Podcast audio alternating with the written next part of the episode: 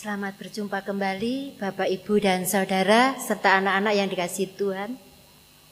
Ibadah Minggu 19 Juli 2020 saat ini merupakan ibadah Pekan Kebangunan Wanita GKJW. Sekaligus ibadah penutupan bulan keluarga. Ibadah kita menggunakan liturgi khusus yang sudah disiapkan oleh DPPW Majelis Agung. Jemaat yang dikasih Tuhan, peranan wanita dalam keluarga sangatlah penting. Di dalam mewujudkan kebahagiaan rumah tangga, demikian halnya peranan wanita diharapkan mampu mewujudkan kerajaan Allah di dalam persekutuan dan kegiatan gerejawi agar menjadi berkat. Tema ibadah kita adalah Allah turut bekerja menolong para wanita menjadi alatnya, terambil dari Mazmur 3 ayat 9. Ibadah kita akan dilayani oleh Ibu Pendeta Niki Widyaningrum SSI. Bapak, Ibu, Saudara, dan anak-anak yang dikasih Tuhan, mari datanglah, ungkapkanlah syukurmu hanya kepada dia yang telah melengkapi rasamu dengan kasih sayang. Pujilah dia yang sudah melengkapi tutur katamu dengan santun dan kelembutan. Muliakanlah dia oleh karena telah mendandanimu dengan ibadah dengan wibawa kesebaran. Mari bersama mengagungkan nama Tuhan dengan pujian dari Kidung Jemaat nomor 13 bait yang pertama Allah Bapa Tuhan.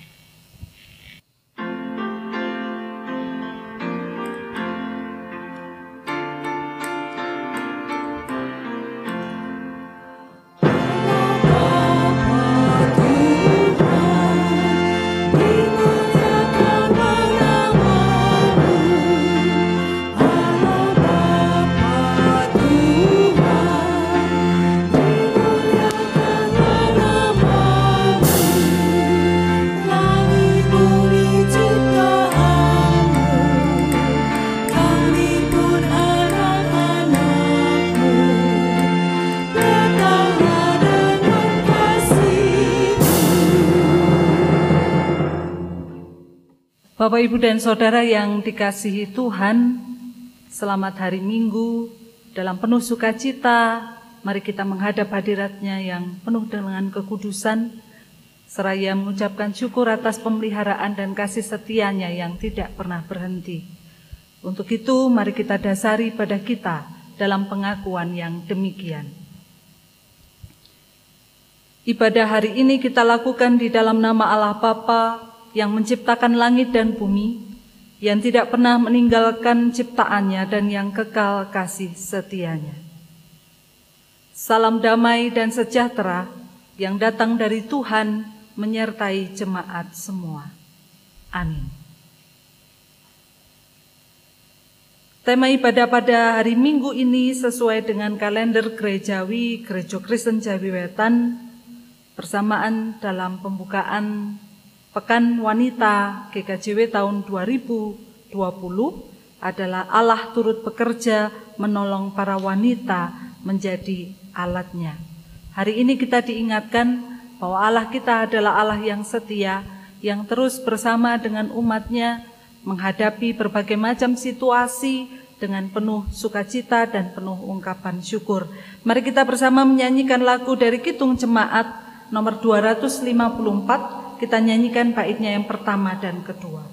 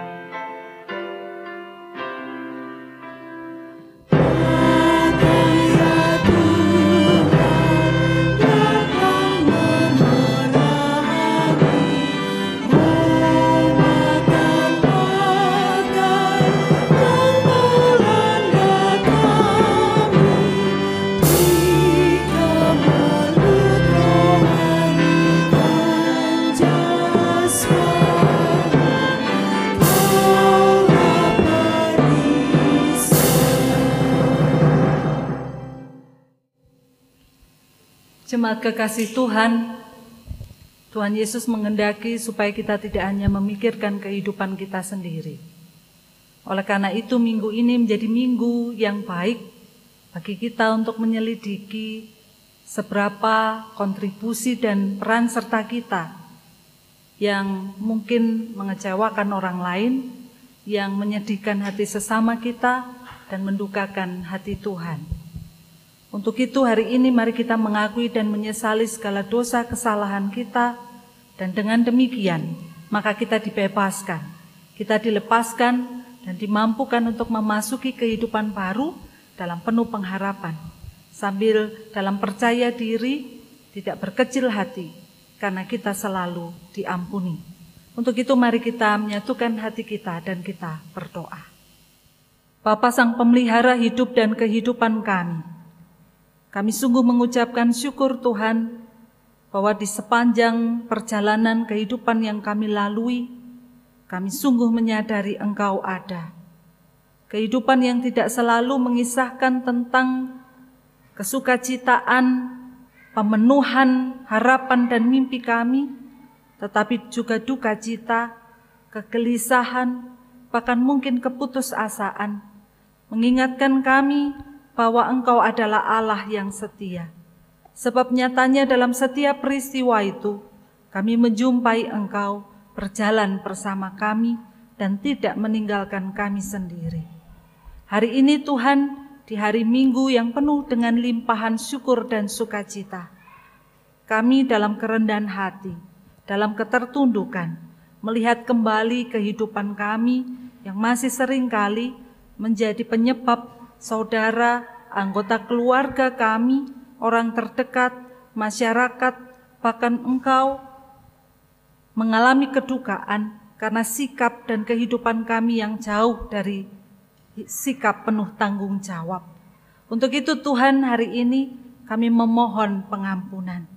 Biarlah dalam semangat hidup baru kami diberi kekuatan, kami diberikan berkat untuk dapat melihat pengharapan di tengah setiap kegagalan kami, sehingga dengan pengharapan hidup baru, kami dapat menjalani kehidupan kami dalam penuh sukacita, dalam penuh tanggung jawab, dan dalam kehidupan penuh kekudusan, mempersembahkan hidup kami bagi kemuliaan. Bapa sorga kami serahkan seluruh keberadaan hidup kami yang tidak terkatakan, tetapi kami tahu Engkau Allah yang mengenal dan menguji kehidupan kami lebih dalam maka selidikilah kami Tuhan. Ampuni dan perbarui kami. Kami serahkan Tuhan setiap doa, pengharapan kami, dalam iman kami kepada Yesus Kristus Sang Juru Selamat kami, Sang Penebus. Dosa kami, kami berdoa. Amin. Bapak, Ibu, dan Saudara yang dikasihi Tuhan, atas sukacita pemeliharaan Tuhan, pengampunan yang dinyatakan kepada kita melalui berita anugerah, mari kita sambut dalam sukacita Kitung Jemaat 25 ayat 1 dan 2, Ya Allahku di cahyamu.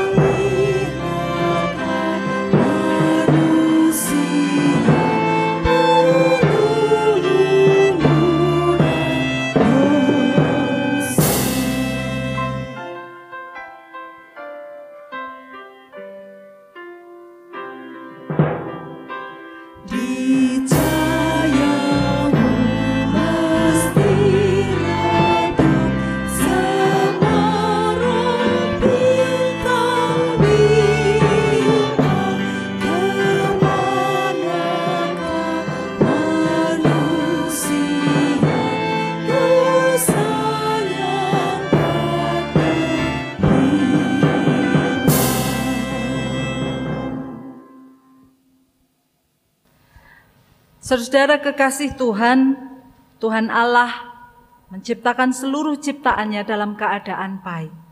Tidak memandang laki-laki, perempuan, binatang, atau bahkan tumbuh-tumbuhan. Ia juga menjadikannya semua kembali baik hanya oleh karena kasih pengorbanannya. Oleh karena itu, terimalah berita anugerah yang memberi sukacita yang terambil dari Mazmur 103 ayatnya yang ke-8 sampai dengan yang ke-11. Yang demikian bunyi kesaksian pemazmur. Tuhan adalah penyayang dan pengasih, panjang sabar dan berlimpah kasih setia. Tidak selalu ia menuntut dan tidak untuk selama-lamanya ia mendendam. Tidak dilakukannya kepada kita setimpal dengan dosa kita dan tidak dibalasnya kepada kita setimpal dengan kesalahan kita. Tetapi setinggi langit di atas bumi, demikian besarnya kasih setianya atas orang-orang yang takut akan dia. Jemaat kekasih Tuhan, sebelum kita bersama merenungkan firman Tuhan, kita akan mendengarkan persembahan pujian vokal grup and Queen yang berjudul Ku Bersyukur Bapa.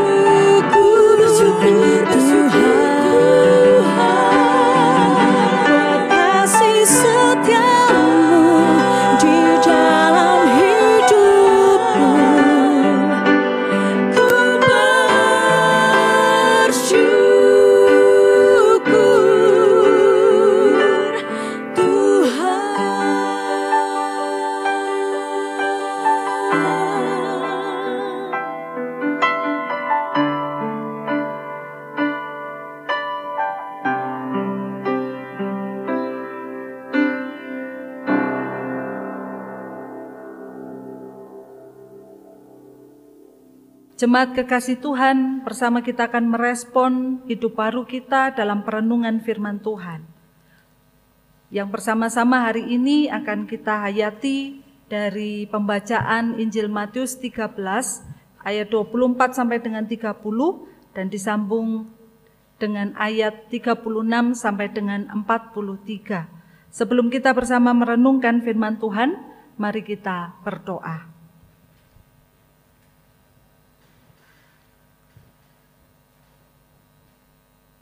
Kasih-Mu melimpah atas kehidupan kami Tuhan. Setiap ciptaan yang telah Kau ciptakan dengan baik, Kau pelihara, Kau dampingi, Kau rawat. Juga supaya dalam kehidupannya memancarkan pesan dan cerita baik yang menghadirkan pengharapan, penguatan di tengah-tengah kegelisahan dan keputusasaan. Demikian pada hari ini, Firman Tuhan akan menguatkan kami, memotivasi kami untuk menjadi pesan-pesan yang terbuka bagi kemuliaan namamu. Untuk itu Tuhan bersabdalah, kami siap untuk mendengarkannya. Di dalam nama Tuhan Yesus Kristus, Sang Juru Sabda, kami berdoa. Amin. Jemaat yang dikasihi Tuhan, firman Tuhan yang akan kita baca dan kita renungkan bersama diambil dari Matius 13 ayat 24 sampai dengan 30 dan disambung dengan ayat yang ke-36 sampai dengan ayat yang ke-43 yang demikian firmannya. Perumpamaan tentang lalang di antara gandum. Yesus membentangkan suatu perumpamaan lain lagi kepada mereka.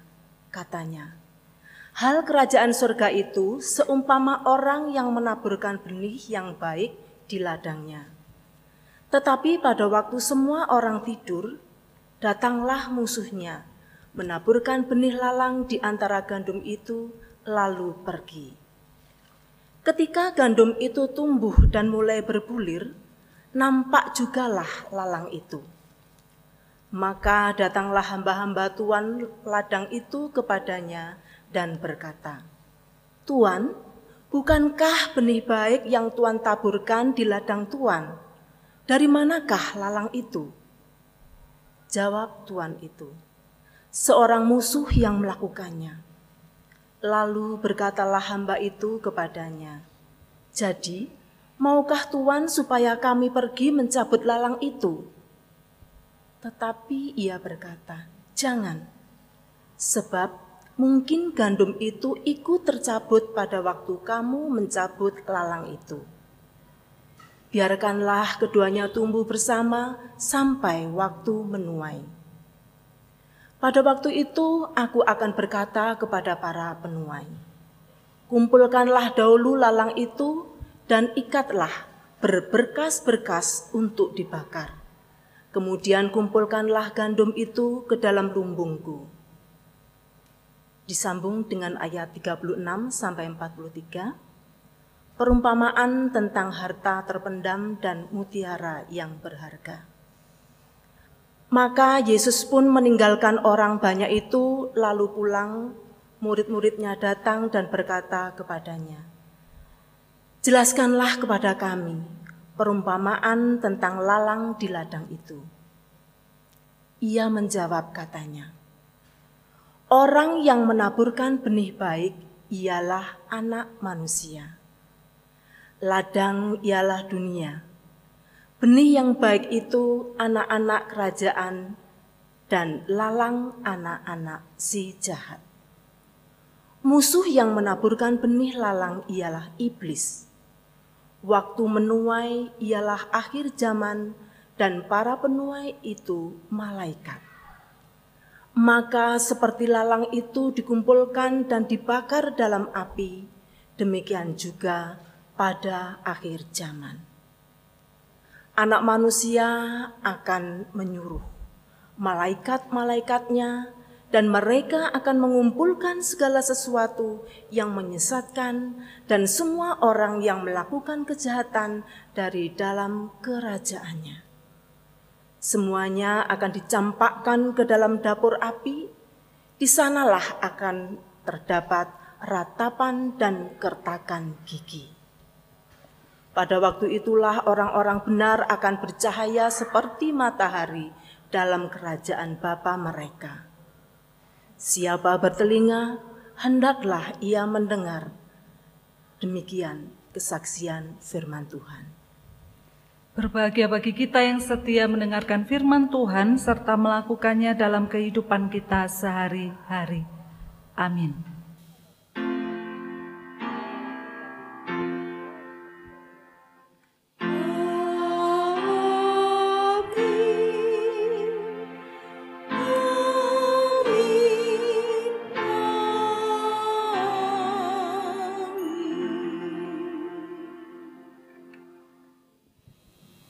Ibu bapak dan saudara yang dikasihi Tuhan, seorang pendeta GKI, Bapak Yosef Widya Atmaja, menceritakan dalam sebuah bukunya, ketika suatu kali ia mendapatkan kesempatan untuk mengunjungi sebuah tempat di Boyolali yang baru saja mengalami bencana angin puyuh.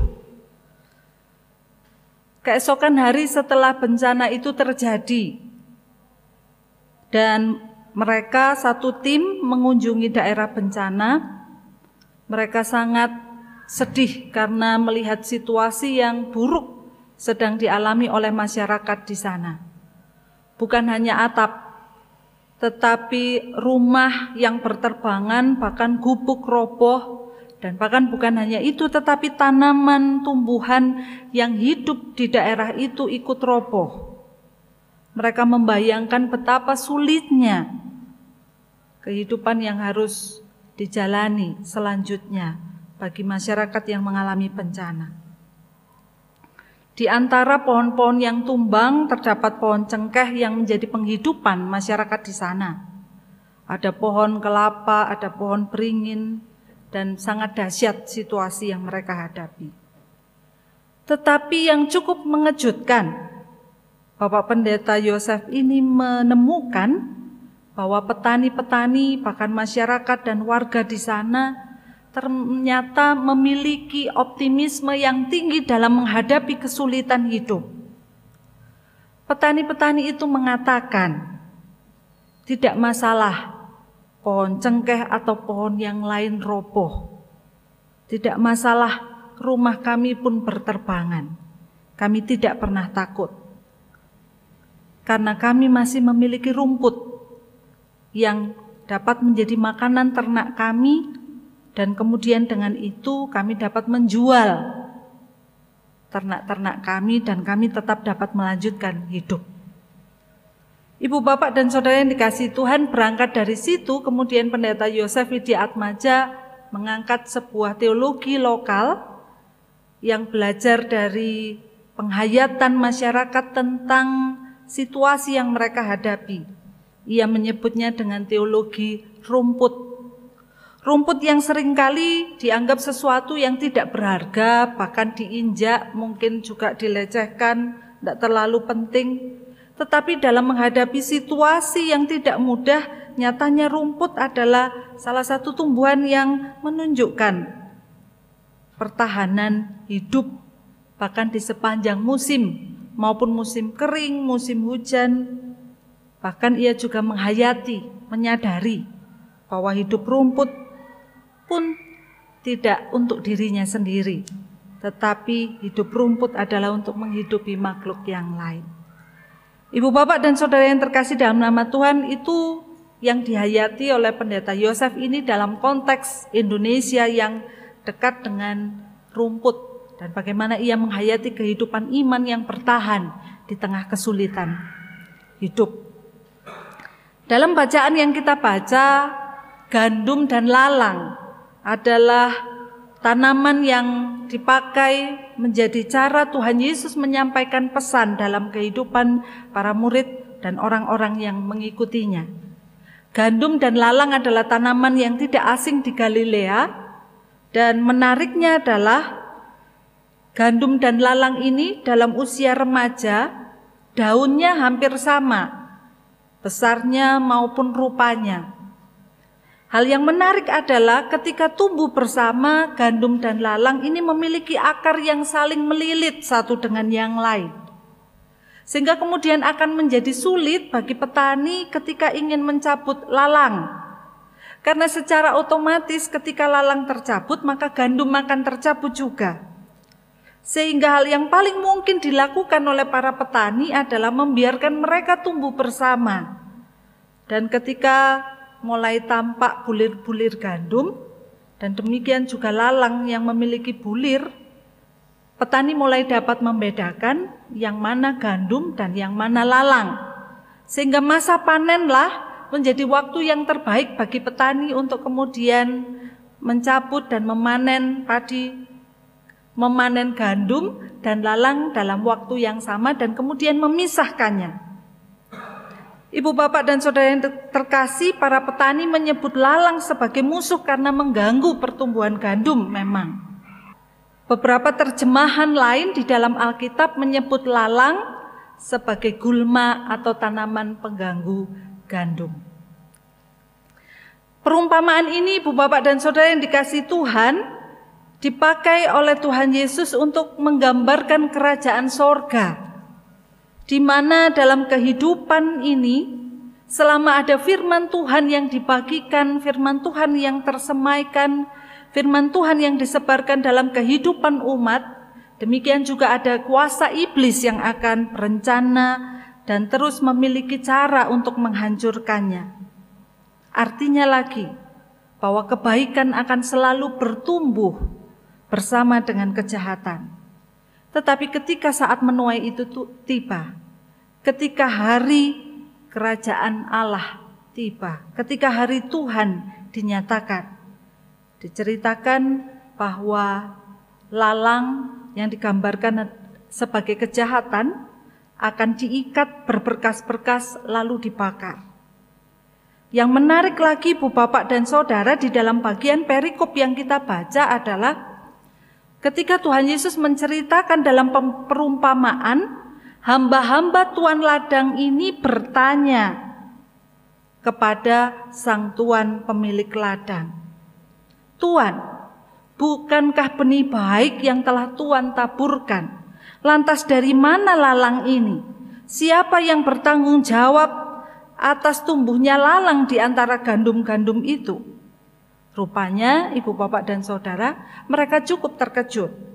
Mengapa itu sampai terjadi? Tetapi yang menarik lagi adalah apa yang menjadi jawab sang pemilik ladang. Sang pemilik ladang mengatakan, "Ya, seorang musuh telah melakukannya." Dari bagian ini, Bu Bapak, saya menghayati bahwa bagi Tuhan Yesus, mencari tahu siapa yang bertanggung jawab atas kehadiran lalang itu bukan lagi menjadi hal yang penting. Sehingga ia menjawab, biarkanlah mereka tumbuh bersama. Sehingga ketika panen baru bisa dipisahkan. Rupanya Tuhan Yesus lebih tertarik tentang bagaimana gandum itu terus bertumbuh. daripada bagaimana cara memusnahkan lalang atau siapa yang bertanggung jawab untuk menghadirkan lalang. Dalam bagian ini Tuhan Yesus mengajari kita bagaimana sebagai gandum kita belajar bertumbuh dan bertahan di tengah ancaman lalang. Tidak lagi menghabiskan waktu untuk memikirkan, untuk menyingkirkan lalang, tetapi bagaimana fokus pada pertumbuhan sang gandum itu sendiri. Jemaat kekasih Tuhan, kalau ini boleh menggambarkan kehidupan nyata kita saat ini. Saat ini kita diperhadapkan dengan berbagai macam tantangan, dengan realita yang mungkin berbeda dengan ekspektasi yang kita bangun, mungkin di awal tahun atau di beberapa tahun yang sudah kita lalui. Ada banyak harapan, ada banyak mimpi yang sudah kita bangun, dan bukan hanya itu, tetapi kita juga melakukannya dengan rancangan-rancangan yang begitu teratur dan tertib dan sedemikian rupa penuh dalam doa dan kita lakukan dengan sungguh-sungguh.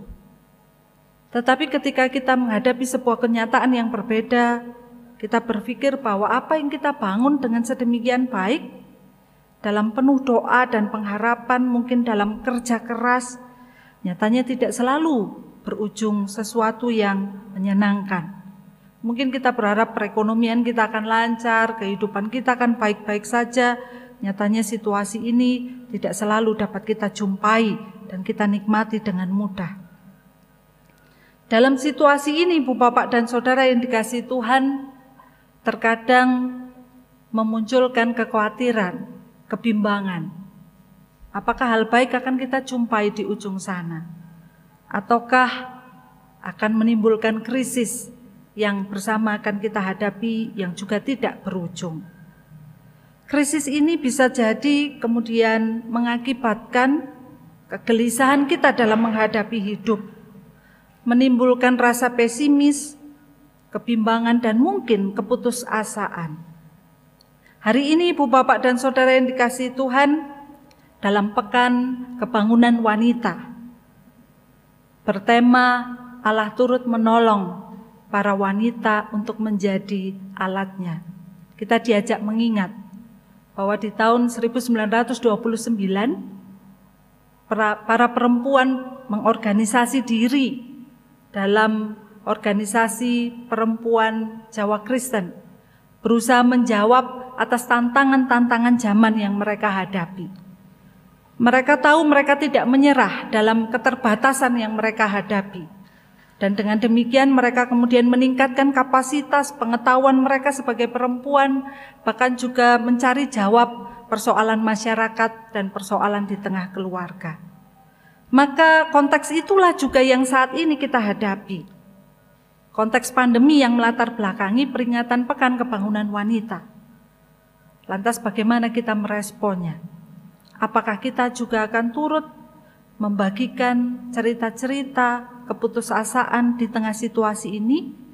Ataukah sebaliknya, kita mau membagikan kisah-kisah baik, motivasi, kehidupan bersama, bersolidaritas dengan sesama untuk mencari solusi? Saya bersyukur bahwa dalam cerita yang dibagikan para ibu sebelum kita memulai ibadah, bahwa para perempuan di jemaat Malang, di jemaat Talut juga terlibat untuk merespon situasi pandemi ini bukan hanya dengan duduk diam, tetapi juga terlibat untuk melakukan hal sederhana yang bisa diwujudkan meskipun tetap harus tinggal di tengah keluarga, kemudian melakukan kegiatan dengan menjahit masker dan kemudian membagikannya bersama komunitas yang lain, membagikannya bersama gereja. Kita bisa melihat ini adalah sebagai suatu sikap respon perempuan di tengah situasi ini. Dan ini tentu saja menjadi sukacita bagaimana perempuan dapat ikut ambil bagian dalam situasi yang tidak mudah.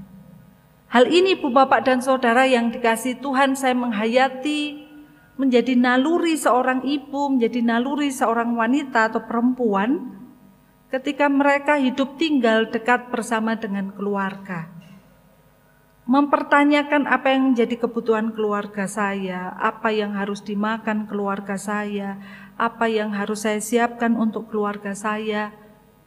Secara otomatis membawa perempuan juga untuk terlibat untuk menjawab dan menyediakan kebutuhan lingkungan.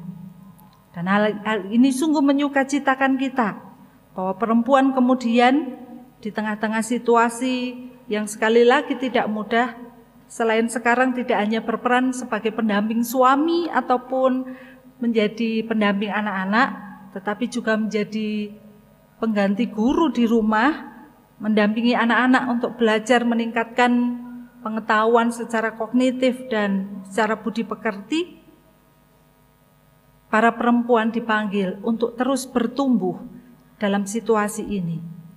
Tidak mempersoalkan dari mana lalang ini berasal. Mungkin tidak terlalu panjang untuk memikirkan bagaimana COVID ini akan berlalu, tetapi berdamai dalam situasi ini dengan terus bertumbuh bersama.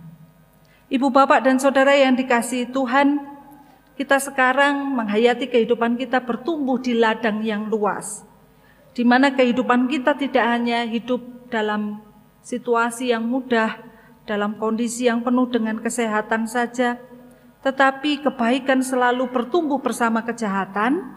Orang baik juga hidup bersama dengan orang-orang yang menuju baik. Kesuksesan berkelindan dengan kegagalan, Kesehatan juga bergantian datang bersama sakit. Kita juga dikelilingi dengan orang-orang yang berbeda. Kita tahu bahwa di sinilah tempat kita untuk bertumbuh. Mari kita belajar untuk bersama-sama melaluinya. Kita bersama untuk terus menghadapi tantangan dan rintangan dengan terus merambat walau dihambat. Konon ketika Beethoven menjadi tuli dalam usianya. Ia berkata bahwa ia akan mematahkan pedang nasib. Rintangan dan halangan tidak akan mencegah kita untuk maju. Situasi ini juga tidak akan menghentikan perempuan untuk melayani keluarga dan melayani sesamanya. Ibu, bapak, dan saudara yang dikasih Tuhan, sekali lagi mungkin tidak mudah, tetapi kita tidak perlu khawatir karena Tuhan menyertai kita memberikan perlindungan dan kekuatan bagi setiap kita yang percaya. Allah menjanjikan bimbingannya sepanjang hidup kita dan kebesaran di masa yang akan datang. Anak-anak Allah akan dikuatkan dan dimampukan untuk berani menghadapi setiap pergumulan dan krisis dalam kehidupan kita. Bahkan sampai di suatu hari kelak kita akan dibebaskan dalam situasi yang tidak mudah ini. Karena Allah terus dan turut bekerja menolong para wanita dan sesama untuk menjadi alatnya. Tetap beriman, tetap bertumbuh dalam ketidakpastian, sebab iman akan mengajarkan kita untuk membagikan pengharapan dan membagikan kasih. Seperti halnya rumput yang terus menjadi rumput dalam berbagai macam situasi yang ia hadapi. Gandum akan menjadi gandum meskipun ia hidup dan bertumbuh bersama lalang maka siapa pun kita yang dipanggil menjadi utusan-utusan Allah dalam berbagai macam situasi, rintangan, tantangan, ketidakpastian tetap akan menjadi utusannya yang mampu menjadi berkat dan membagikan pengharapan bagi dunia. Tuhan senantiasa memberkati kita, Tuhan menuntun kita dalam kehidupan kita hari lepas hari. Amin. Saat teduh bagi kita.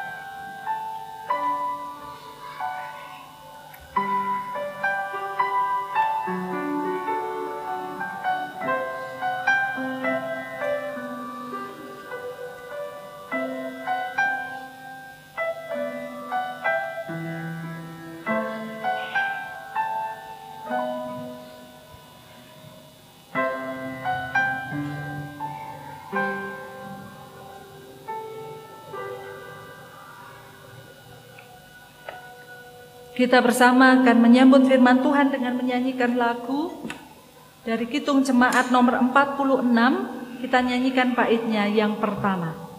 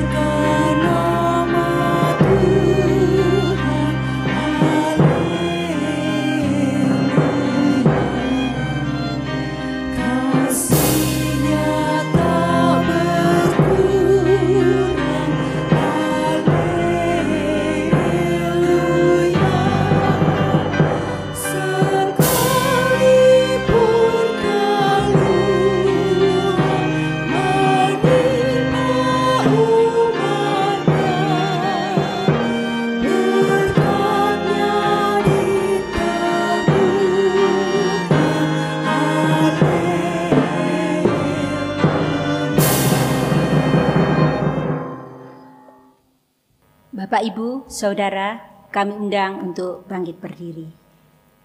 Marilah kita memperbaharui iman kita bersama-sama dengan orang percaya di muka bumi dengan mengikrarkan pengakuan iman rasuli yang demikian. Aku percaya kepada Allah Bapa yang Maha Kuasa, Kalik langit dan bumi, dan kepada Yesus Kristus, anaknya yang tunggal Tuhan kita, yang dikandung daripada roh kudus, lahir dari anak darah Maria yang menderita di bawah pemerintahan Pontius Pilatus, disalibkan, mati dan dikuburkan, turun ke dalam kerajaan maut. Pada hari yang ketiga, bangkit pula dari antara orang mati. Naik ke surga, duduk di sebelah kanan Allah, Bapa yang Maha Kuasa, dan akan datang dari sana untuk menghakimi orang yang hidup dan mati. Aku percaya kepada Roh Kudus, gereja yang kudus dan am, persekutuan orang kudus, pengampunan dosa, kebangkitan daging, dan hidup yang kekal. Amin. Bapak, Ibu, Saudara dipersilahkan duduk kembali. Tiba saatnya kita akan menaikkan doa syafaat kita. Mari kita bersehati dan kita menundukkan hati menyerahkan kehidupan dan pergumulan kita dalam penyertaan Tuhan. Mari kita berdoa.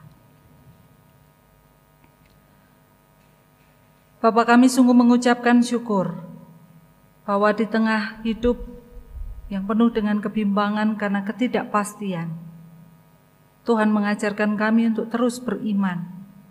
Tuhan mengajarkan kami untuk terus bertumbuh.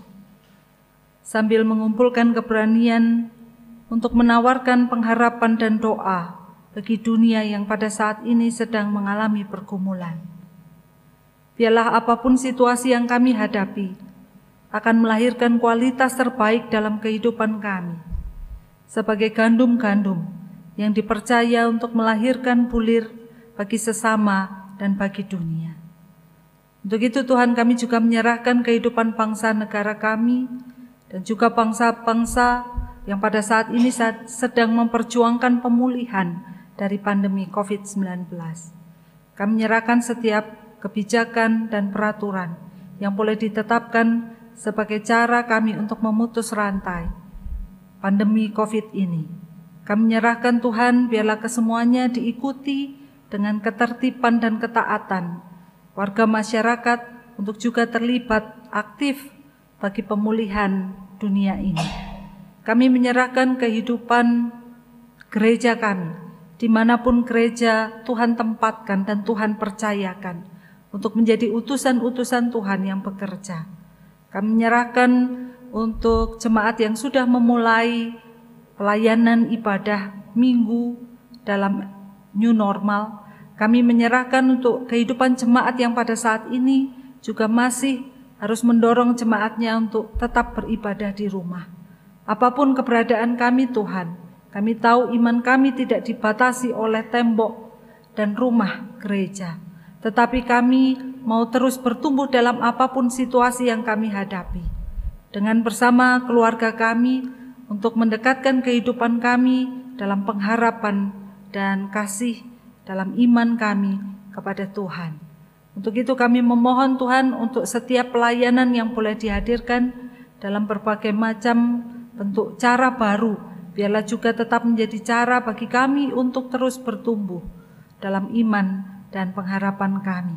Kami menyerahkan secara khusus jemaat Tuhan, jemaat Malang. Kami menyerahkan untuk Bapak Pendeta Legal, penatua diaken, para pelayan yang tidak dapat kami sebutkan satu persatu, yang terus dan rindu untuk menghadirkan pelayanan yang mampu menjadi berkat bagi warga jemaat. Kesemuanya biarlah menjadi sarana kemuliaan Tuhan di tengah situasi ini. Kami menyerahkan untuk warga jemaat yang mengalami sakit ataupun warga di dunia yang pada saat ini harus berjuang berpulih dari infeksi corona. Kami memohon biarlah Tuhan memakai setiap dokter, perawat, yang juga terus memperjuangkan kesehatan bagi mereka sendiri untuk memulihkan diri, sehingga dengan penuh pengharapan kami dapat menyongsong kehidupan yang penuh dalam kesehatan dan pemulihan dari hari demi hari. Kami menyerahkan Tuhan kehidupan pergumulan kami untuk pekerjaan keluarga kami. Ada banyak hal yang harus kami respon dengan sikap adaptif. Tetapi kami tetap percaya Tuhan, mengandalkan Tuhan, maka kami akan diberikan kekuatan yang terus baru. Bapak Surgawi ada banyak hal yang mungkin tidak dapat kami sebutkan, tetapi kami percaya Engkau Allah Sang Pemilik kehidupan kami. Engkau Sang Pencipta kehidupan yang Engkau hadirkan dengan penuh keadaan baik, maka Engkau akan memulihkan kesemuanya menjadi baik, serupa dan segambar seperti halnya Engkau. Untuk itu Tuhan dalam kerendahan hati, kami serahkan doa pengharapan kami kami landasi atas doa yang telah Tuhan ajarkan dalam hidup kami. Bapa kami yang di sorga, dikuduskanlah namamu, datanglah kerajaanmu, jadilah kehendakmu di bumi seperti di sorga. Berikanlah kami pada hari ini makanan kami yang secukupnya, dan ampunilah kami akan kesalahan kami, seperti kami juga mengampuni orang yang bersalah kepada kami.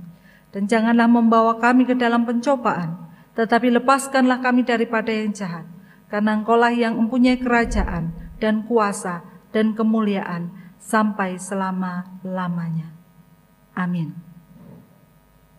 Jemaat kekasih Tuhan bersama kita akan mendengarkan lagu Mars Wanita Gereja Kristen Jewetan yang akan dinyanyikan oleh tim paduan suara.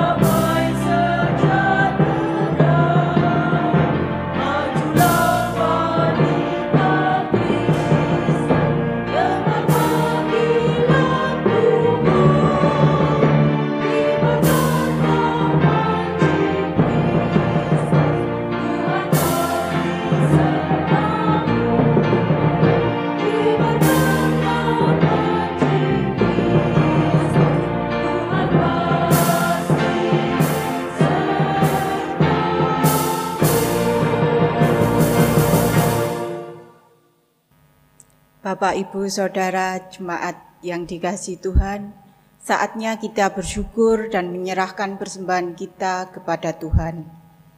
Bukan jumlah atau banyak sedikitnya persembahan yang dikendaki Tuhan Yesus, melainkan bobot pengorbanan yang mendasari persembahan yang kita berikan. Mari kita ingat kisah janda miskin dengan persembahannya dalam Markus pasal 12 ayat 41 sampai dengan 44 yang demikian firman Tuhan.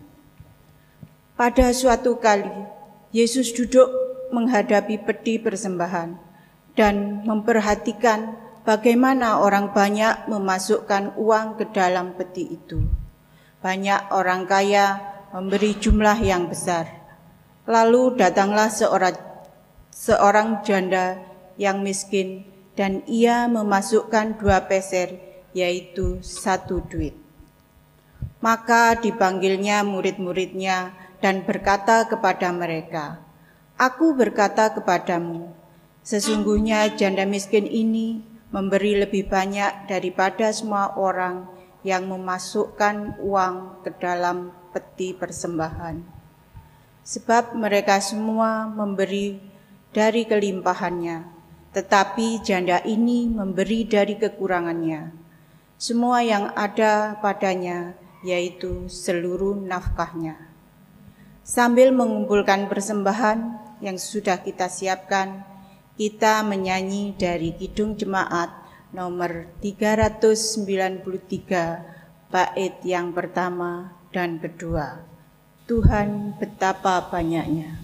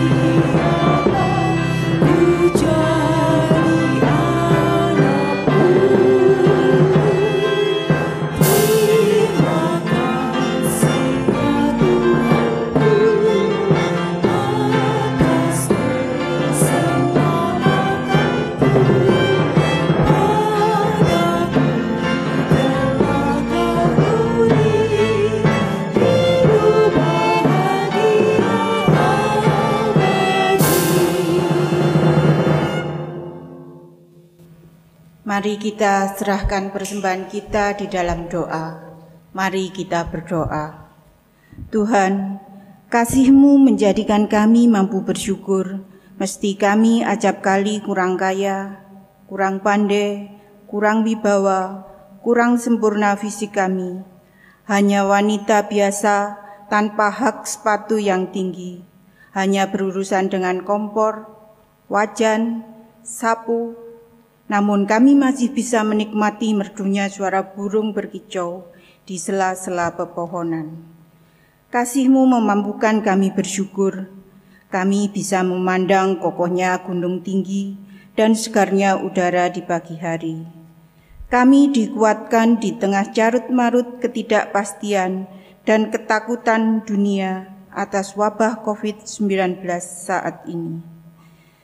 Sedikitnya berkat banyaknya materi, berkatnya per, beratnya perjuangan, apa pun itu kami bersyukur senantiasa. Di dalam kasih Tuhan Yesus kami bersyukur dan berdoa.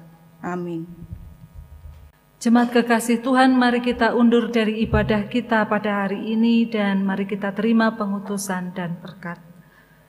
Pergilah dan beritakanlah segala sesuatu yang mendatangkan kebaikan, bagi saudaramu laki-laki, bagi saudaramu perempuan, bagi anak-anakmu, dan bagi kesemua ciptaan Tuhan.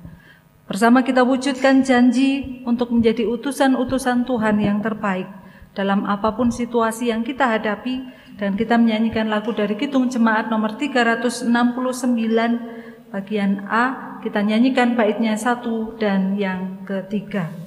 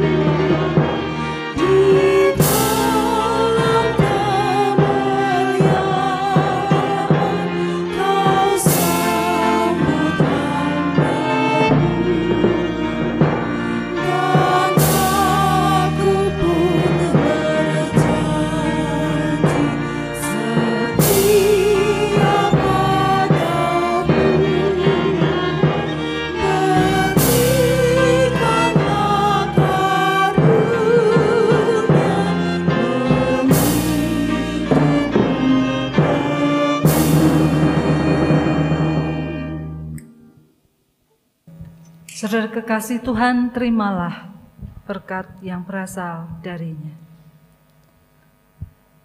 Allah Bapa yang Maha Kuasa memberi keberanian pada saudara-saudari untuk hadir dalam kehidupan. Tuhan Yesus Kristus memampukan saudara-saudari untuk mengasihi sesama dan Roh Kudus menguatkan saudari dan saudari untuk selalu setia menapaki jalan kehidupan yang tidak mudah saat ini sampai selamanya. Amin. Kitung Jemaat nomor 472, baiknya yang pertama dan kedua.